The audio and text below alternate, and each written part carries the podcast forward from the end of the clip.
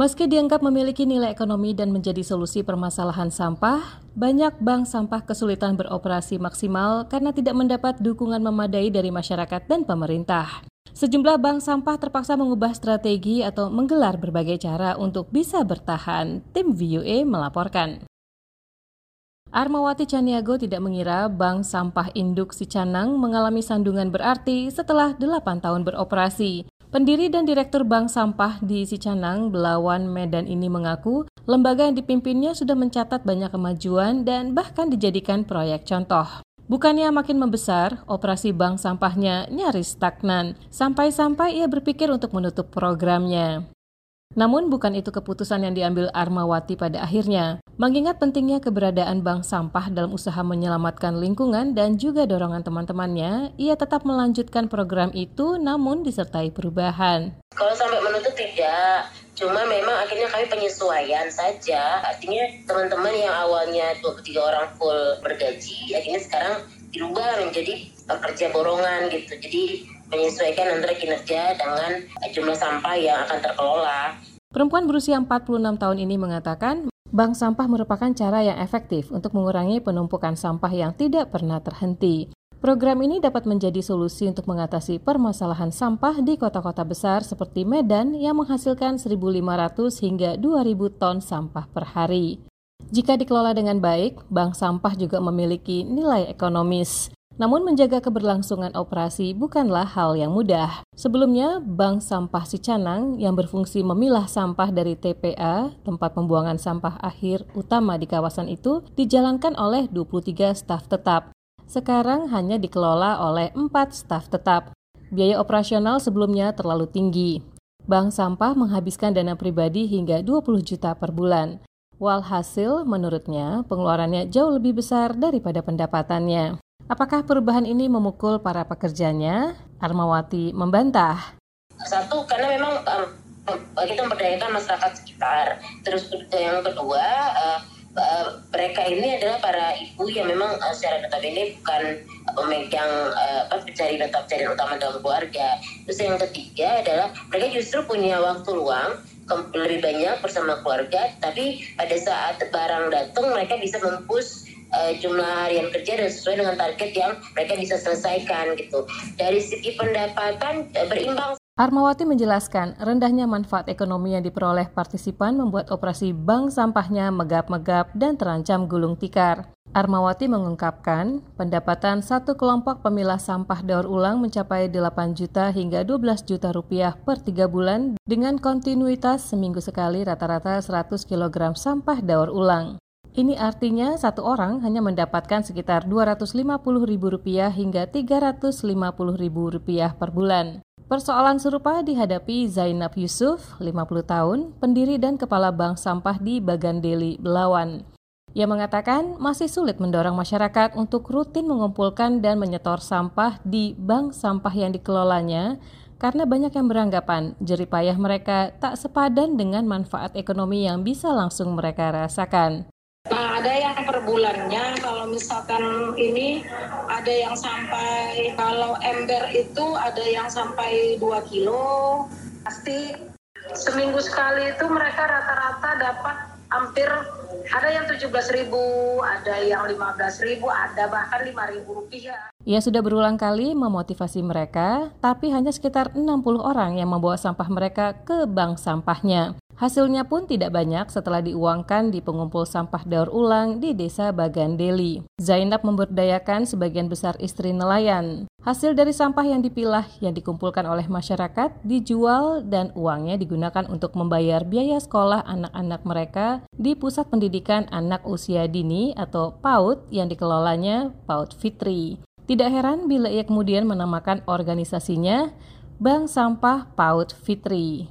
Menurut Armawati, bank sampah yang dikelolanya sebetulnya mendapat dukungan pemerintah dalam dua tahun pertama operasinya meski tidak sepenuhnya. Sayangnya dukungan itu tidak berlanjut. Saat itu, katanya, dukungan pemerintah terbatas untuk membayar gaji staf setiap bulan, tetapi tidak untuk operasional sehari-hari seperti sewa gudang, transportasi, dan kebutuhan kantor. Meski minim dukungan pemerintah, Armawati terus menjalankan program bank sampah hingga saat ini. ia berhasil mengelola 16 kelompok masyarakat yang terdiri dari 46.000 orang di 268 titik di Sumatera Utara dan dua di Aceh. Dalam satu bulan, kelompok masyarakat ini mampu mendaur ulang sampah sebanyak 4,7 ton. Sepanjang tahun 2020, Bank Sampah mampu menghasilkan bahan baku industri dari 2.600 ton sampah dengan nilai ekonomi 6,8 miliar rupiah dengan mendaur ulang hanya 2 persen sampah kota Medan dalam setahun. Artinya, selain menyelamatkan lingkungan, bank sampah juga menghasilkan nilai ekonomi. Tantangan bagi bank sampah, menurut Armawati, adalah tidak adanya kemauan politik dari pemerintah untuk memberi bantuan. Tanpa dukungan pemerintah, menurutnya, bank sampah memang masih tetap bisa beroperasi. Tapi operasi itu akan lebih baik lagi jika pemerintah memberi dukungan. Dukungan pemerintah, menurutnya, antara lain dapat berupa stimulus kepada kelompok-kelompok pemilah sampah. Pemerintah dapat memberi insentif ekonomi sehingga kelompok-kelompok itu tidak hanya mengandalkan keuntungan yang mereka peroleh dari bank sampah. Zainab lebih menyoroti masalah penegakan hukum. Di kawasan pesisir di mana bank sampahnya beroperasi, contohnya, masih banyak anggota masyarakat yang terbiasa membuang sampah ke laut dan tidak mendapat denda atau hukuman dari pihak berwenang.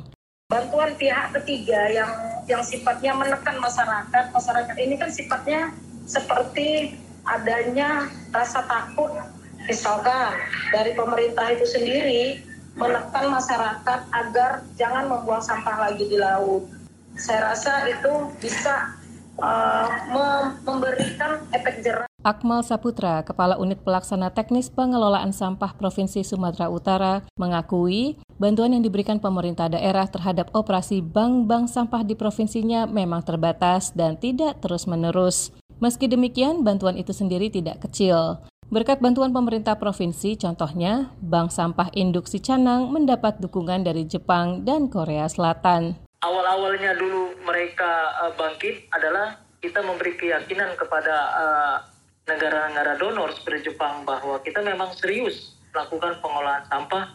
Jadi kita memberikan rekomendasi kepada pemerintah Jepang, ah ini bank sampah sana serius nih, sehingga mereka akhirnya menempat bantuan uh, dari segi uh, bangunan, artinya pemerintah daerah menyiapkan lahan, mereka uh, memberikan bantuan bangunan, kemudian sarana-sarana lainnya seperti dump truck dan alat-alat uh, operasional lainnya. Jika diuangkan, menurut Akmal, nilainya mendekati 1 miliar rupiah, mengingat harga dump truck atau truk jungkit sekitar 500 juta rupiah dan biaya konstruksi bangunan seputar 200 juta rupiah. Karena keunggulan dalam pengelolaannya, Bank Sampah Induksi Canang katanya sering dipromosikan sebagai bank sampah yang menjadi contoh bagi pembangunan bank-bank sampah lainnya dan sebagai pusat riset pengelolaan sampah ketika pemerintah Sumatera Utara menjalin kerjasama dengan pemerintah Korea Selatan. Persoalan yang dihadapi bank-bank sampah di Sumatera Utara juga dialami banyak bank sampah lain di berbagai penjuru Indonesia, termasuk Bank Sampah Makassar yang sebagian operasinya terintegrasi dengan pemerintah setempat. Samsudin, salah satu pendamping Bank Sampah Makassar mengatakan, motivasi masyarakat untuk mengumpulkan dan memilah sampah sehingga memiliki nilai ekonomi masih rendah. Bahkan masih banyak warga yang membuang sampah sembarangan. Uh, yang pertama adalah tingkat kesadaran masyarakat uh, tentang pencemaran lingkungan itu masih sangat rendah.